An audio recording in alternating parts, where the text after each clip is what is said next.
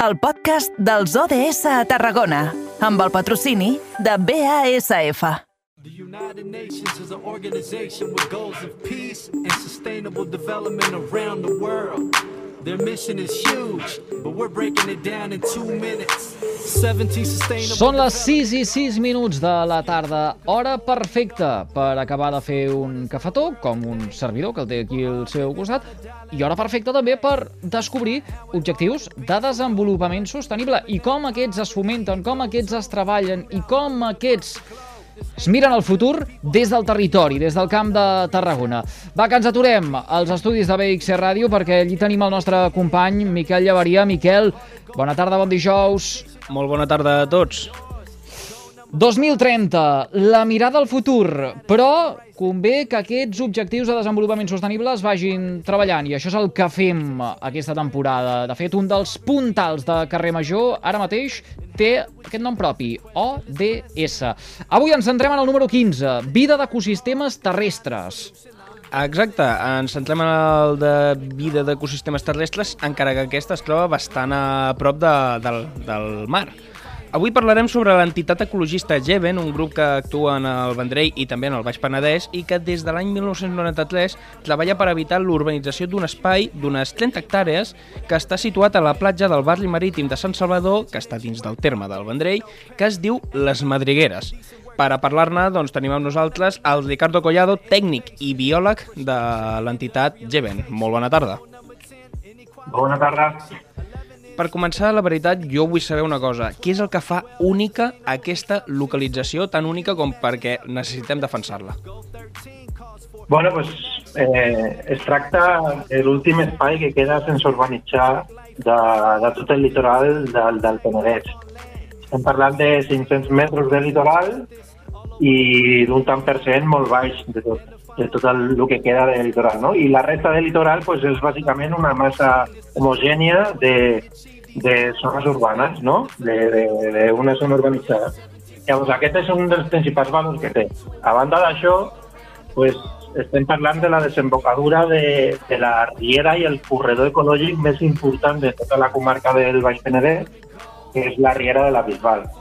I llavors pues, és, és una zona de transició i, i de contacte entre el mar i els ecosistemes terrestres, els ecosistemes del mar i els ecosistemes terrestres, per tant, és un punt de màxima biodiversitat. Llavors, per una banda tenim aquest, aquest eh, valor de, de ser l'últim espai sense construir i per una altra banda ser un dels espais amb més biodiversitat de, de tot el litoral. Uh mhm. -huh. És més, vosaltres ara ho mateix ho has dit, el tema de la biodiversitat és una zona amb una biodiversitat molt extensa, tant d'espècies que es troben allí, que viuen allí, com d'altres que suposo que en temes de migració doncs, tenen una part de descans en aquesta zona. Eh, mantindre aquests espais, aleshores, literalment és com una forma d'aconseguir fer sobreviure aquestes espècies, donar-los un lloc on puguin sobreviure, perquè si desaparegués l'espai, també podria desaparèixer l'espècie. Sí, exacte. Es tracta de, de conservar els hàbitats per conservar les espècies, i no només les espècies, sinó també la, les, la, la, la funcionalitat d'aquest ecosistema i els serveis que ens ofereix aquest ecosistema a la, a la societat. I centrant-nos en el tema de les espècies, pues sí, el, el tema de, de les, ja, la, la, les aus i els animals que crien allà, com podrien ser algunes espècies d'amfibis com el gripau corredor, o el corriol cama negra, el famós corriol cama negra, que és un punt important de nidificació d'aquest ocellet. I el que has comentat també és interessant, el tema de les os migratòries.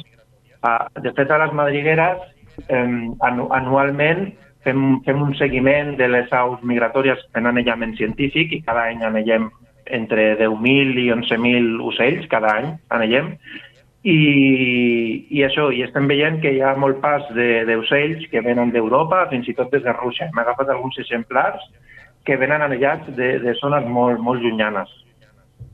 Uh -huh. I també te volia preguntar per una cosa que has comentat, el tema d'un servei a la societat. És, quin és exactament el servei a la societat que, que presta un petit ecosistema?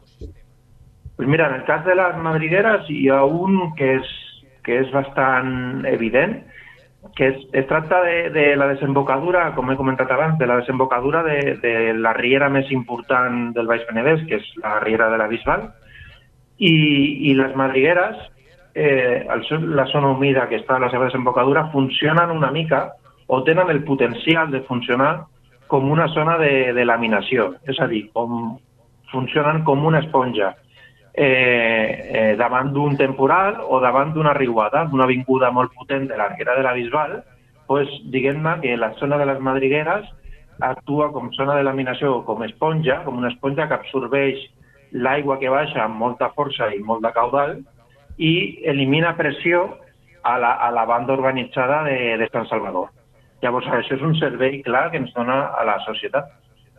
Uh -huh. I la veritat eh, també te volia preguntar per aquest tema, el tema dels temporals, que ara sembla que tenen que ser més habituals per tot aquest tema del canvi climàtic, de, del calentament global. El temporal Glòria, que vam tindre no fa tants anys i que va afectar greument a diverses zones del litoral català, una miqueta com afecta aquest canvi del clima a aquests ecosistemes. És realment un perill a nivell de podria arribar a desaparèixer?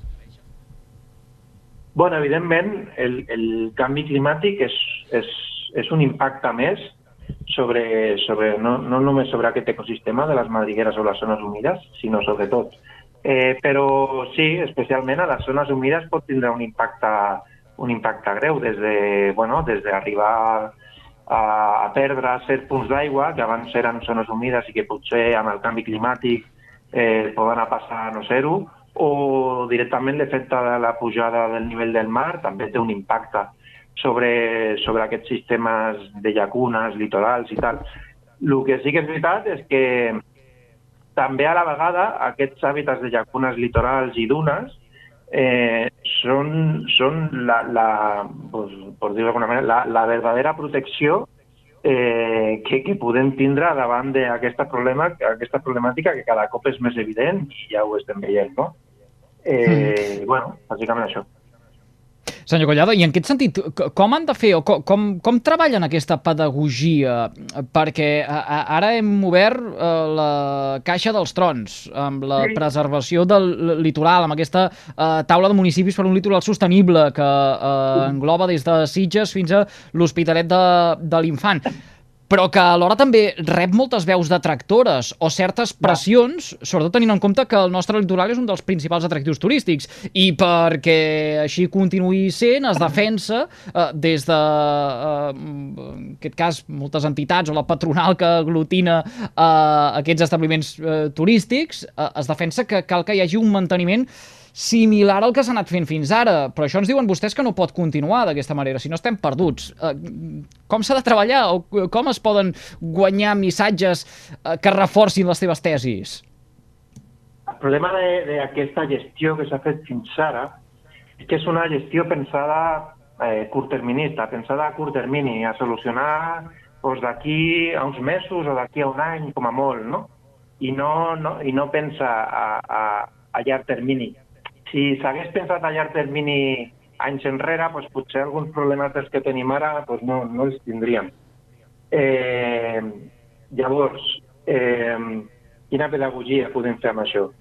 Eh, bueno, bàsicament és que és evident que la gestió, que els problemes que tenim, que tenim ara eh, deriven d'aquesta de, de, gestió que s'ha fet que s'ha fet fins ara. Per tant, eh, és evident que no podem continuar així.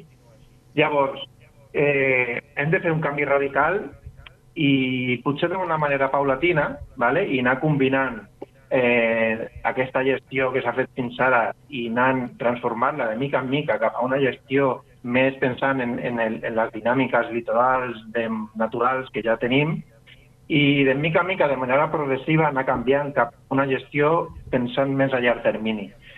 Eh, és complicat, perquè ara mateix tenim un, un litoral ultramodificat, eh, que ve, pues això, és conseqüència de, del, de, bueno, del, del sistema econòmic que, que hem tingut sempre i que encara, i que, i que encara tenim, i que és un sistema econòmic que, que ha tingut els seus beneficis, però també té els seus, la seva part negativa i una, i una és aquesta.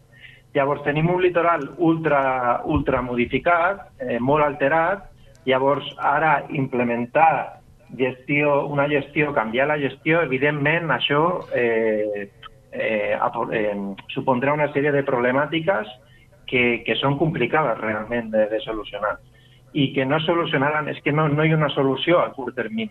Eh, aquestes solucions que diuen de curt termini tot són, són parxes i al final hem de plantejar això, que potser ens haurem de seure un dia i seriosament plantejar-nos què fer amb tot això.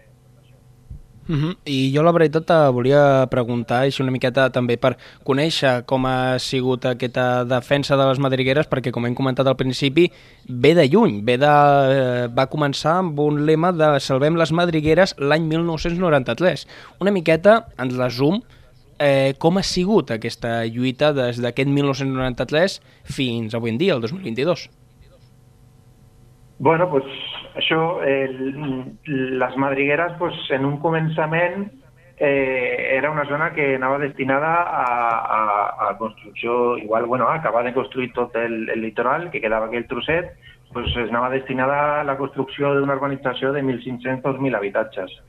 I, bueno, als anys 90, com ben has dit, pues, va començar la campanya, va ser una campanya molt forta eh, per part del Jeven, eh, on hi va haver un conflicte sociopolític molt gran i finalment, finalment què va passar? Pues finalment el que va passar és que l'any 2000 eh, aquesta zona de les Madrigueres, bueno, al Vendrell hi va haver una inundació molt gran per la Riera de la Bisbal, que va arribar una gran avinguda per la Riera de la Bisbal, tot el Vendrell va quedar inundat i, evidentment, la desembocadura, la Riera de la Bisbal, la, la desembocadura va quedar totalment anegat. Llavors, la zona de les Madrigueres va quedar completament anegada i, i aquí és on la Generalitat, el, bueno, l'administració en general, l'any 2000, va fer un canvi de un clic, no? l'Ajuntament, Generalitat, totes les administracions, i van, i van dir, ostres, potser el que, la campanya del Geven de, de, de tots aquests anys potser tenen raó, no? I va ser en aquest moment, amb aquesta inundació tan potent, que, que van decidir pues, que la zona passés a ser una zona no, no urbanitzable. I a partir d'aquí es va, es va aprovar també un pla de, de recuperació de la zona, un pla de renaturalització, i, i el que va passar és que aquest pla de renaturalització, eh, per una sèrie de qüestions, que ara no m'allargaré, però va quedar en un calaix, mm -hmm. i eh, a l'any 2015 nosaltres des del Geven, el Geven ha tingut daltabaixos, com moltes altres entitats, eh, el 2015 ens recuperem, eh, guanyem més una mica més de massa social i, i decidim impulsar aquest projecte de reutilització. Les madrigueres ja estaven salvades, com a mínim de ser urbanitzades, però ara calia recuperar-les i renaturalitzar-les. Llavors, des del 2015 fins a l'actualitat, el que hem fet és anar recuperant diferents hàbitats de llacunes litorals, de dunes i diferents ambients d'aquest tipus. Senyor Collado, i quins són els reptes que tenen eh, d'ara en endavant? Bueno, eh, ara mateix estem a punt de, de signar, si tot va bé, si no hi ha cap problema, signarem un acord de custòdia o conveni de custòdia amb l'Ajuntament del Vendrell i la idea és, eh, a partir d'aquest acord de custòdia, eh, impulsar un pla de gestió que ja fa dos o tres anys que vam proposar i vam redactar conjuntament amb l'Ajuntament, impulsar aquest pla de gestió amb el suport també de la Generalitat, que per la seva banda està redactant també el pla executiu per acabar de renaturalitzar tota la zona humida de les Madrigueres, les 30 hectàrees que ocupa, uh mhm. -huh. i l'objectiu al final és que aquesta, aquesta, aquesta zona humida eh, serveixi per, per demostrar això que m'has preguntat abans, no? com divulguem eh, no? com s'ha de gestionar, sí. per, per què hem de sí, sí, sí. no? pues, eh, la zona humida de les madrigueres ha, ha de demostrar, una de les coses, un dels objectius és això, és demostrar que recuperant espais eh, d'aquest tipus, com, com les madrigueres, pues, eh, hi ha un servei a la societat eh, d'aquest tipus. No? Al final, si les madrigueres eh, tenen aquest potencial i, i fem que funcionin com, com un punt de laminació i d'absorció d'aigua davant d'avingudes, doncs és preferible no? que la zona que s'inundi sigui la zona sense edificis i que els edificis i els comerços que hi ha al costat, a Sant Salvador, restaurants i eh, vivendes, etc., doncs quedin, no? eh, quedin eh, fora d'aquesta pressió d'inundació. Llavors, això és una manera també de... No? És, és clarament. Mm -hmm. Uh, doncs uh, estarem al cas, estarem a la guaita, a veure si de mica en mica tot això uh, acaba d'agafar aquesta forma, que ja s'està uh, uh, executant, però que sí. Mm, l'ambició hi és i, per tant, uh, convé seguir incidint, convé seguir uh, treballant per uh, aconseguir que aquest espai que ara ja està uh, protegit, d'aquestes uh, 30 hectàrees al barri marítim de Sant Salvador, agafin molta més envergadura i la gent se les acabi de fer seves, però en la concepció que defensa el grup ecologista Geven. Ricardo Gollado, li agraïm moltíssim que hagi acceptat la trucada del carrer Major de les ràdios de la xarxa al Camp de Tarragona i enhorabona per aquesta feinada que fan. Vale, gràcies a vosaltres. Que vagi bona molt bé. Bona tarda. Bona tarda.